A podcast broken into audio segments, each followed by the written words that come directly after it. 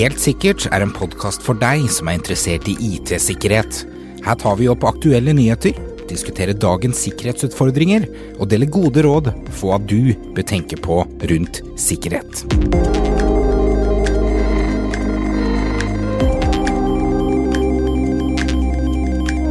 Vi lever i en verden som blir mer og mer mobil. Vi arbeider på steder der vi for ti år siden ikke skulle trodd det var mulig å gjøre arbeid.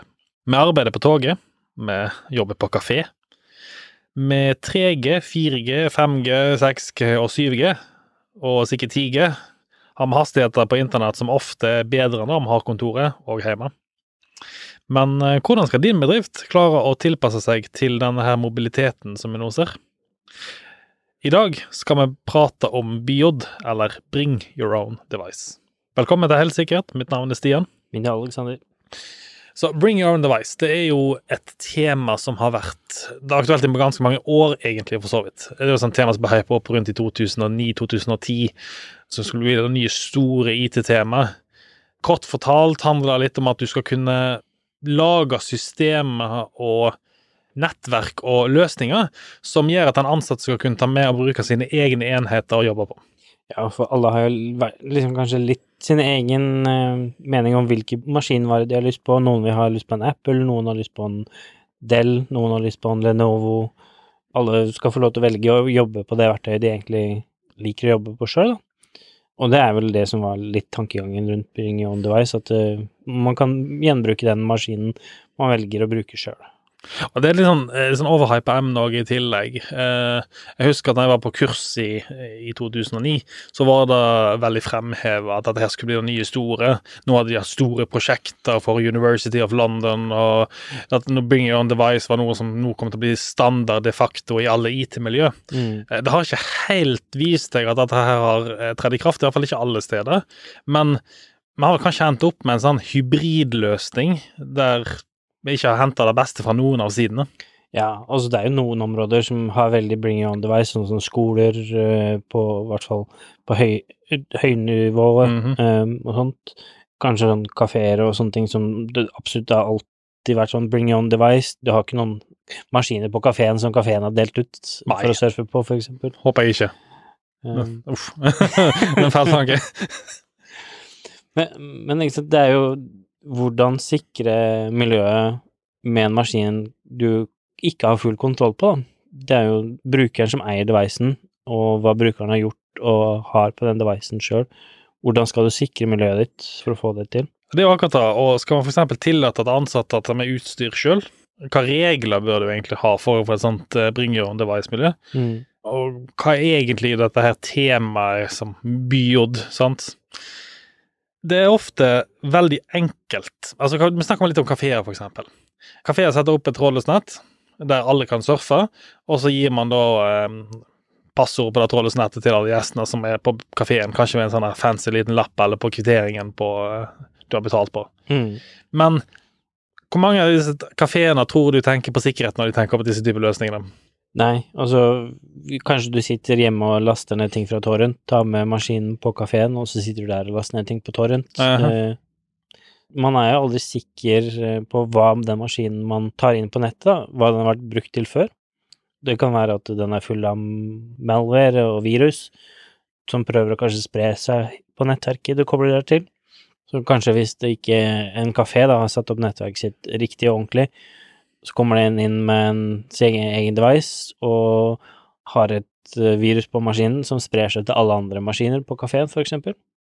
Og da kanskje de fleste ikke veit om, som eh, nå lytter på her, er at du som eier internettlinken, er ansvarlig for eh, det den blir brukt til. Det gjelder også for så vidt bedrifter som har gjestenettverk. Hvor ofte har ikke vi vært ute og diskutert med disse bedriftene hvorfor blokkerer ikke dere torrent på gjestenettverket deres?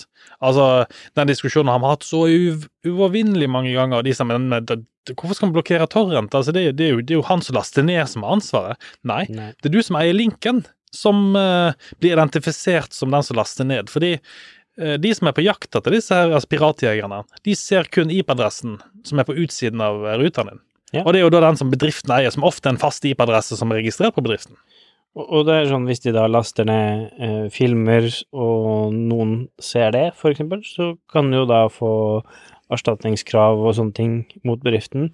Enda mer kriminelt så kan det være at de bruker maskinen til å laste ned veldig skadelige ting, sånn som prøvde om tidligere med barneporno og sånne ting. Eh, og for det, det, er jo sånne ting man ikke har lyst til å gjøre hjemme på sin egen maskin. Nei, Man bruker jo i hvert fall naboen sitt nettverk eller et eller annet, sånn at man ikke blir eh, tatt sjøl. nå skal ikke vi gi noen tips til noen her ute.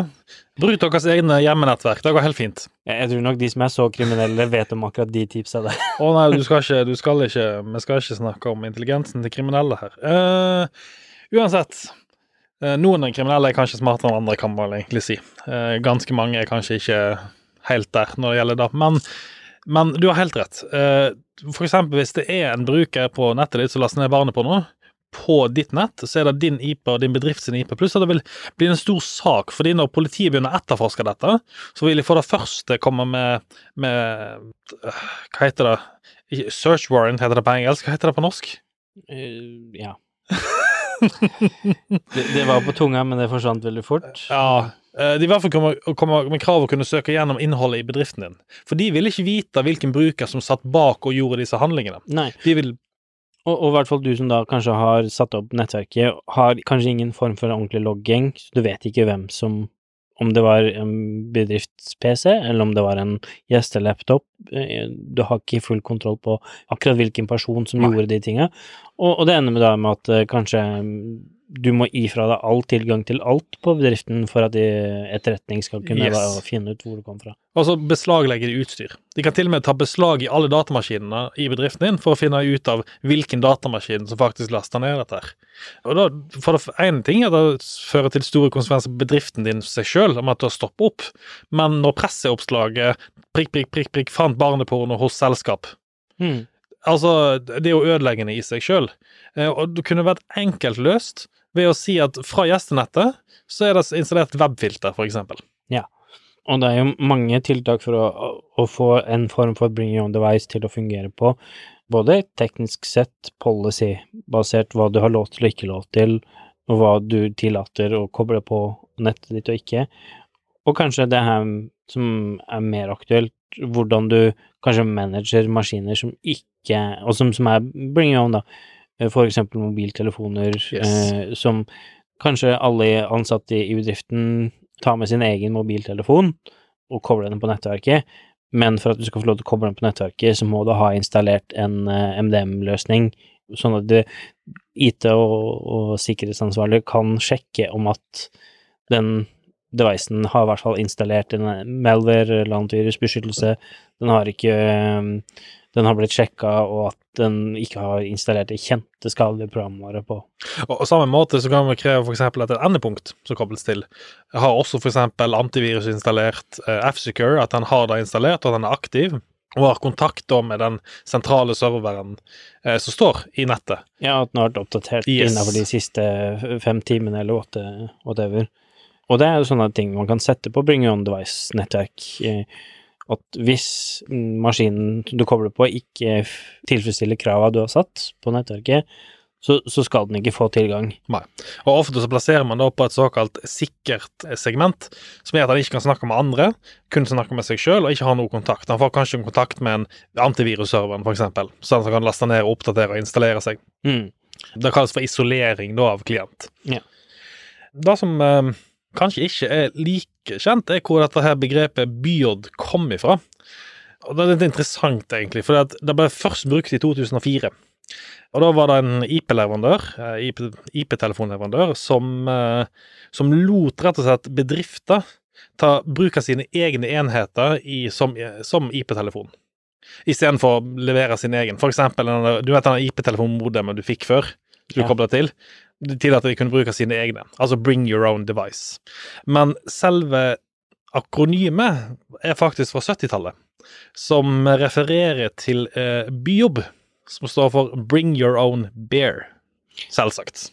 Ja, altså du kunne reise ut på en eh, Jeg tror ikke vi trenger å forklare det uttrykket. Nei. Nei, de fleste her skjønner vel hva byjobb betyr, eh, hvis jeg sier det.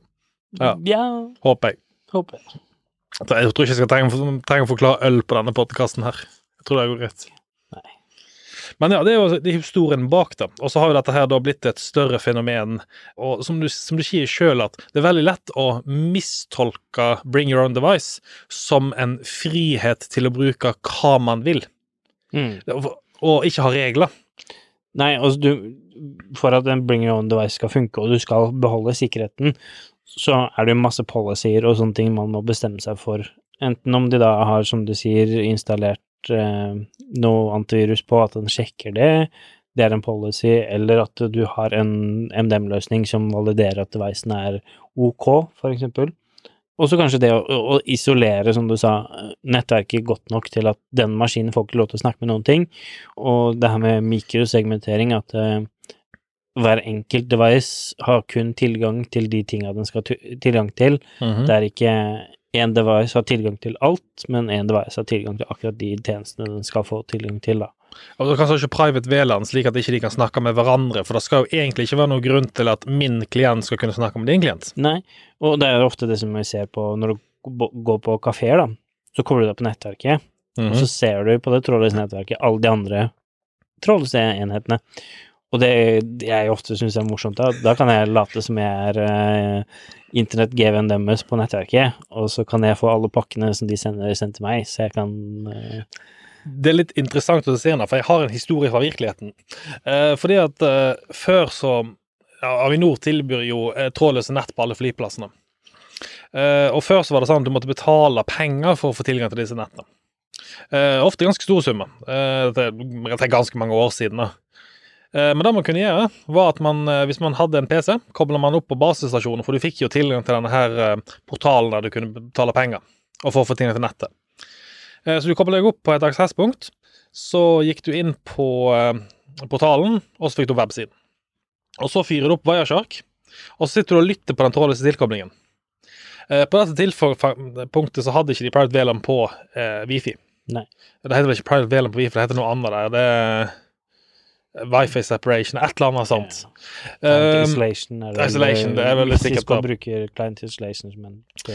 Og da satt jeg da og rett og slett lytta på signalene på Wireshark, helt til jeg fant en sånn subscriber-godkjenning, en som hadde betalt. Eh, Så så jeg at han surfa på vg.no, for jeg fikk tilbake en sånn eh, Mm. så trollet, så kan du snappe opp hva andre lytter òg. Så jeg tok jeg MAC-adressen hans, klona den, putta den på PC-en min, boff, internett. That's it. Fordi at den godkjenner Trengte du ikke betale noen ting. trenger ikke betale noe som helst. Eh, Men det er jo en veldig godt eksempel da, på hvor enkelt det er når klientene kan snakke med hverandre. Og jeg hadde ikke noe kontakt med hans nettverk i det hele tatt, eller hans klient. Jeg så kun på basestasjonen. Mm. Det var alt jeg trengte å gjøre. Og det her er jo hvis du har lyst til å fange opp trafikken, men det er også det samme når du får infisert et malware eller en virus på maskinen. Så gjør jo den samme, den går rundt og sprer seg sjøl på nettverket, for Yes. leiter etter nye maskiner å komme inn på. Så og på trådløst nett, sånn type flyplassnett, sånn, det er noen noe av de farligste nettene man kan gå inn på, de type nettene. Eh, Jeg, jeg kaller det eh, brannnett, rett og slett. Og samme som gjestenettet. Det er også en sånn type farlig nett. Når jeg er ute hos kunder, sant, og de tilbyr meg å logge meg på gjestenettet deres, så takker jeg alltid nei. Ja, Og- jeg bruker heller 4G-en, Yes. for det, selv om eh, mye av det samme tinga kan gjøres der, så, så har du mye mer beskyttelse på at du er isolert fra det nettverket til, til andre enn ISP-en din. Det Da. er akkurat det, og så har VPN i tilgang, men i til, tillegg. Men jeg vet f.eks. ikke at den eh, kunden som er ute hos, har satt opp private VLAN på trådløse gjestenettet sitt, som gjør at jeg er isolert fra andre klienter. Ja, og du vet aldri om eh, alt det du gjør blir uh, logga godt nok og, og, og sånne ting. Så eh, for eksempel hvis det var en kriminell som gjorde en handling der, du var der samtidig, de hadde ikke god nok dokumentasjon på hva som skjedde, så du kan bli anklaga for å gjøre en ting du ikke har gjort. da. For eksempel. Eller at de har for eksempel SSL inspection, som Mm. gjør at de ser innholdet i pakkene mine uansett. Ja.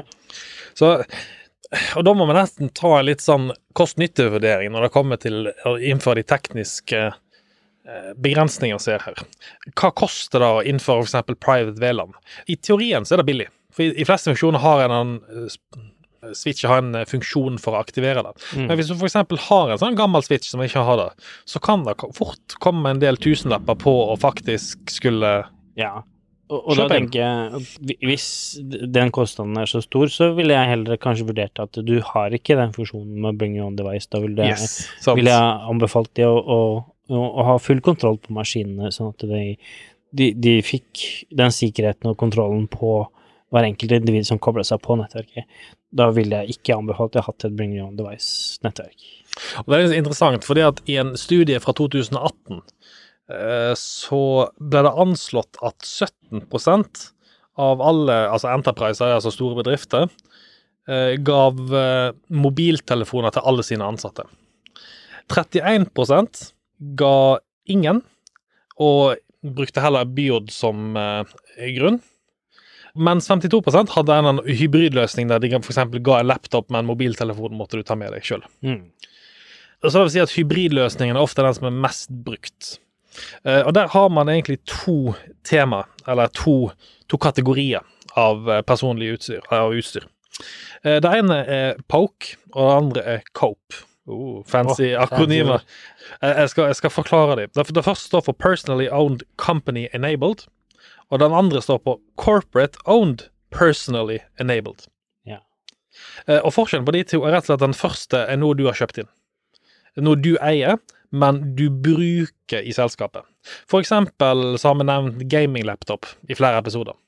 Ja, Hvis du bruker gaming-laptopen din til kontor, så er den privately owned company enabled. mm. Eh, mens hvis du eksempel får en eh, telefon av arbeidsgiveren din, og der er det installert en MDM-løsning, så er den corporate owned, men personally enabled. Fordi at du har lov til å ta personlige samtaler med den telefonen. Mm. Eller vanlig som veldig mange kanskje har, eh, tar med seg sin egen mobiltelefon og kobler seg på nettverket til bedriften. Det er jo da en eh, po- uh, ja, POS-EC. Å, for Ja. akronymet her, det vi liker akronymet. Men grunnen til at jeg nevner de to kategoriene, er fordi at de er vidt forskjellige fra hverandre. Mm. Det er også en tredje kategori her, som er litt sånn diffus. Og det er cope, men uten sikkerhet. Og da er, det, da er ikke cope veldig mye verdt lenger. Eh, hvis vi tar første kategorien først, da. Den personally owned company enabled. Uh, jeg tar med mobiltelefonen min på jobb. Uh, jeg installerer Outlook på den, og så leser jeg e-posten min på den mobilen. Problemet med den situasjonen der er at bedriften tar med seg inn eller tar inn en mobil som de har null kontroll på. Mm. La oss si den bedriften da ikke har noen regler for bring your own device. Du kan bare ta med deg hva som helst. Bruke hva som helst, og det er ikke noe sikkerhetskrav. Eh, Så vil jeg si at du tar også med deg hva som helst inn i bedriften. Som vi snakket om tidligere. Sant? Det kan være hva som helst som ligger på den mobiltelefonen eller laptopen. Ja, det kan være noen som har brukt en GameStore og lasta ned noen um, spill som inneholdt noen Yes, skadelige ting på den sant. telefonen. Uh, mens på corporate owned personally enabled, så har for eksempel bedriften vår kjøpt inn en telefon til oss, som vanligvis bedrifter gjør, og så setter de på en sikkerhetsløsning, og så sier du at du har lov til å ta telefonsamtale. Da er iallfall enheten sikra i utgangspunktet. Mm. Da vil du som regel ha et sett med regler på den, på begrensninger på hva du kan installere og ikke installere. Nå snakker vi om det best case eh, scenario. Best case. I hvert fall kanskje det passer på at den, den devicen har en form for en antivirus eller en beskyttelse på seg, Yes. så den vil oppdage hvis den blir brukt. Og så har du da den tredje varianten, som er corporately owned, personally enabled, men uten sikkerhet. Som er verdt null. Yeah. Fordi at uh, i det øyeblikket da brukeren får tak i den, så har du installert 40 spill, og ti av de er falske spill som sitter og laster ned informasjon. Ene satt og samler opp alle passordene du taster inn, og that's it. Da er den basically personally owned igjen. Yes. Selv om bedriften har betalt penger for den. Og Det er kanskje veldig lett for en bedrift å tenke at jeg har betalt penger for den og gitt den til brukeren, så derfor eier jeg mobilen, og derfor er den sikker. Men det er ikke sånn det funker. Nei, du eier ikke brukeren som bruker den på den Nei. samme måten, og kan garantere at den ikke installerer noen ting som ikke den burde gjøre. Dette er litt av grunnen til at Byord ikke har tatt av, iallfall ikke her i Norge. Eh, rett og slett fordi at det er ikke et tillitsproblem, men det er et hvordan skal vi bruke det? Vi er ikke, ikke flinke nok til å sette regler. Ja, managementproblem, egentlig. Yes. Man, man gir bort devisene, men har ikke managed devisene godt nok til at man kan ha en form for en biod-løsning, og, og ha det en sikker løsning. Og, eh, og så er det et annet problem som dukker opp også. Det er at når du slutter i bedriften, så er alltid vår anbefaling som sikkerhetsansvarlig å levere tilbake utstyret til bedriften. Men dersom du eier den mobilen, så er det din mobil. Mm. Det er din personlige mobil som du har, last, som du har brukt til eh, bedriften sin data. Men du er ikke pliktig til å levere den mobilen fra deg når det er din mobil. Nei. Du er pliktig til å slette informasjon. Ja, og, Men- men, den garanterer at du gjør det. Og der er jo kanskje en MDM-løsning vært ganske lurt å ha, for da kan Yes. du, du i, i bedriften gå inn og si at med MDM-løsningen så sletter jeg all bedriftsinformasjon fra, fra devicen. Så igjen, bio det er et vanskelig tema, spesielt når det ikke man setter retningslinjer for hvordan man skal bruke seg av det. Det, det er vrient å komme i gang med det. Eh, jeg, vet at personlig som, som IT-driftsansvarlig, så skyr jeg Byod. For det første så er det på driftsmessig sett så er det et mareritt å skulle supportere ti forskjellige leverandører med ti forskjellige problemer, og 100 forskjellige måter å løse de problemene på.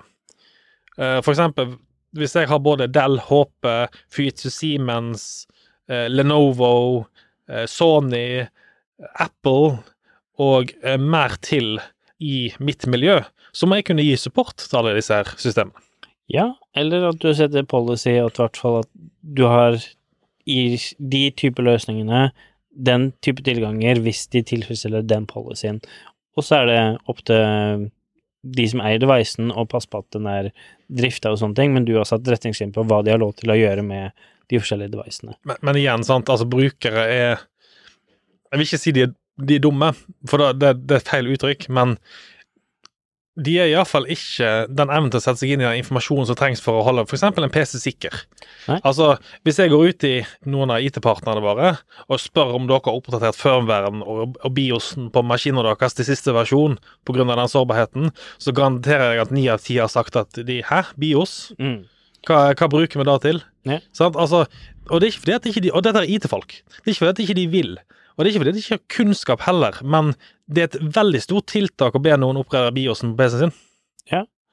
Og, og der er jo det Da må du på en måte ha en MDM-løsning som du kan passe på at sånne ting er gjort på.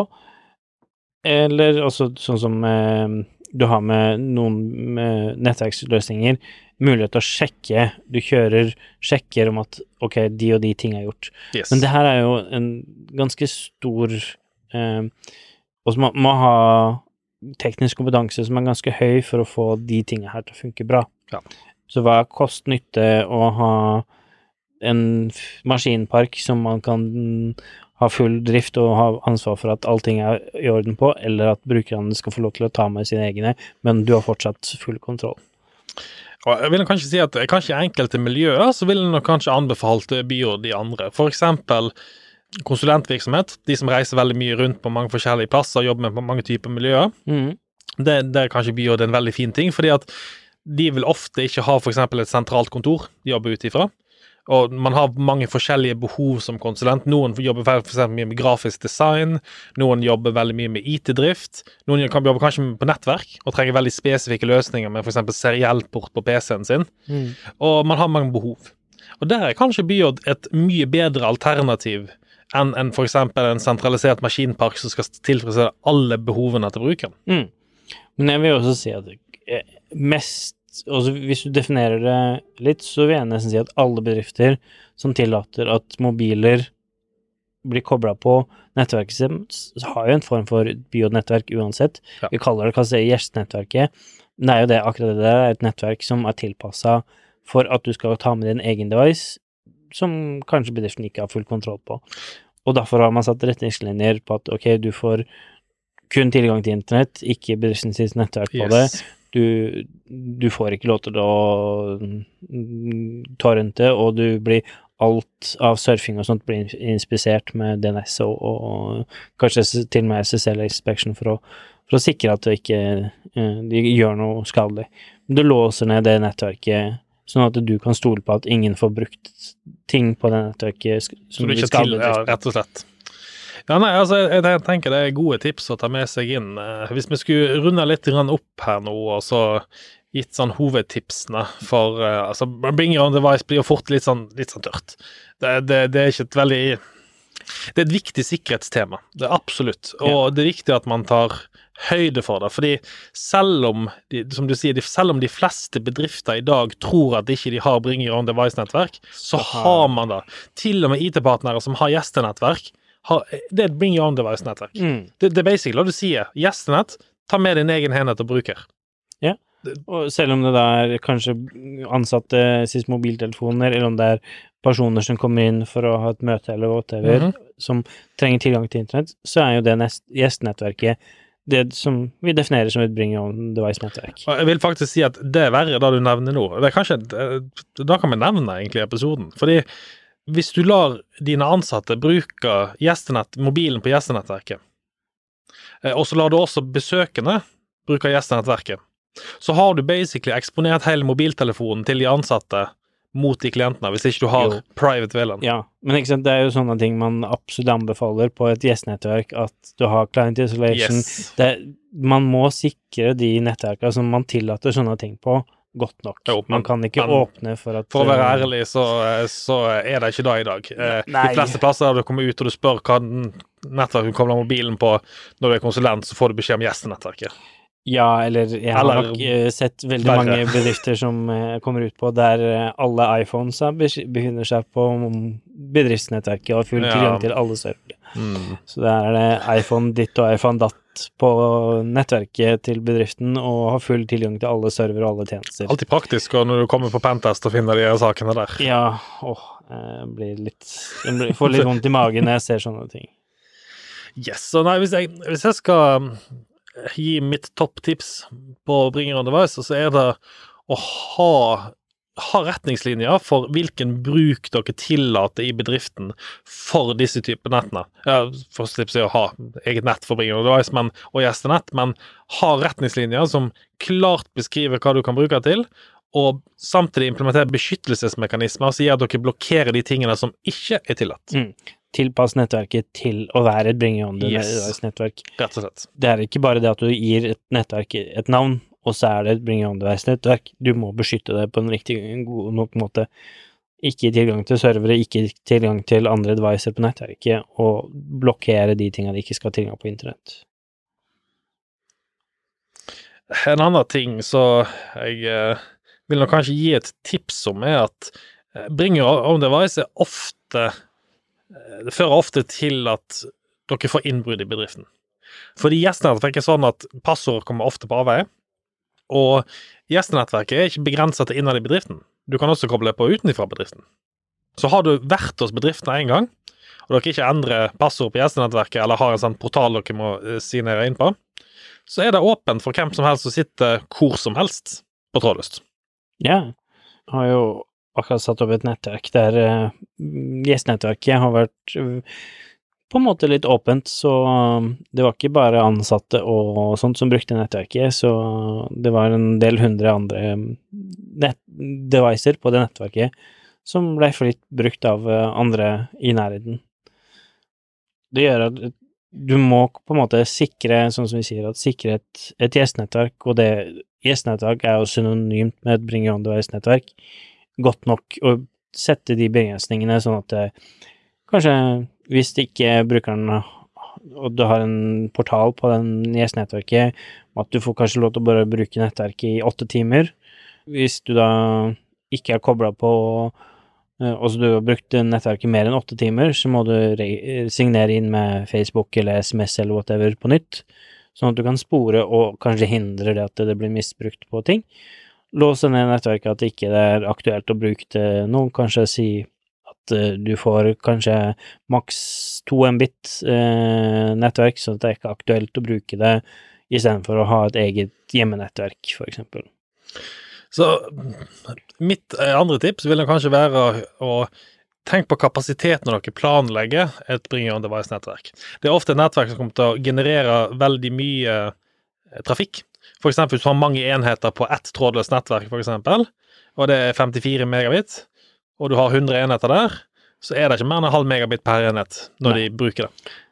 Og, og channel hopping, som du da gjør for å få tilgang til de devicene for at de skal få Hvis ikke du har et dyrt og kostbart øh, nettverk, så kan jo det være at øh, du ikke har nok kapasitet for at det, det, det blir godt nok brukt, da. Så kanskje isoler de nettverkene som er tilgjengelig for um, Biod, enten kap kapasitetmessig, sette det godt nok opp, eller isolere det fra andre bedriftsnettverk, sånn at ikke du ødelegger for bedriften når du har uh...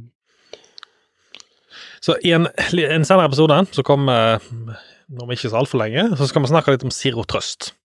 Uh, Sirotrøst kommer også inn i Bring Your Device, rett og slett med at vi skal gå ut ifra at tjenesten du bruker, man skal ikke kunne stole på den. Altså, Man skal kunne stole på at den leverer de tjenester man skal, og har sikkerheten innebygd. Ja. Vi skal ikke snakke om så masse om Mida på denne episoden, her, for det er, et, det er et annet tema, men det spiller også inn i eller Bring Your Device-diskusjonen. Og det er et litt annet, annet tankemåte enn Bring Your Device men som også gjelder da for bedriftsnettverk i tillegg. Ja. Men det skal vi ta litt senere i en annen episode, så følg med. Det kommer ganske mange interessante temaer. Kommer. Så det tenker jeg egentlig var det for meg i dag. Ja. Trenger dere, ja, Siste tips før vi avslutter. Trenger dere hjelp med å sette og bringe opp on device-nettverk, ta kontakt med IT-partnerne deres.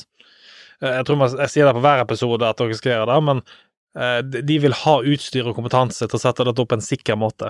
Ja. Og de vil ha da kontakt med f.eks. tredjeparts sikkerhetsleverandører eller sine egne sikkerhetseksperter innad i bedriften til å kunne sette det opp på en sikker måte. Mm. Hvis dere ikke ta sjansen på å sette opp dette sjøl og håpe at det virker. Og hvis dere har en kafé eller noe sånt i dag, ta igjen kontakt med IT-partneren og få de til å hjelpe dere å sette opp det trådløse gjestenettverket, for de kan gjøre det på en trygg måte. Og en trygg måte som gjør det ikke bare trygt for dere som bedrift, men også trygt for brukerne deres. For dere har virkelig lyst til, ikke lyst til å være i den andre enden av en politietterforskning eh, av at man har brukt nettverket til noe ulovlig. Og i hvert fall når du da setter opp gjestenettverket sikkert, så må man passe på at uh, brystnettverket er like sikkert også. Ikke minst. Eh, ellers vil bare brukerne hoppe fra det sikre gjestenettverket over på det usikre bedriftsnettet og få full tilgang. Det er en fordel. Det var alt for meg i dag. Takk for meg. Takk for meg. Ha det bra. Ha det bra.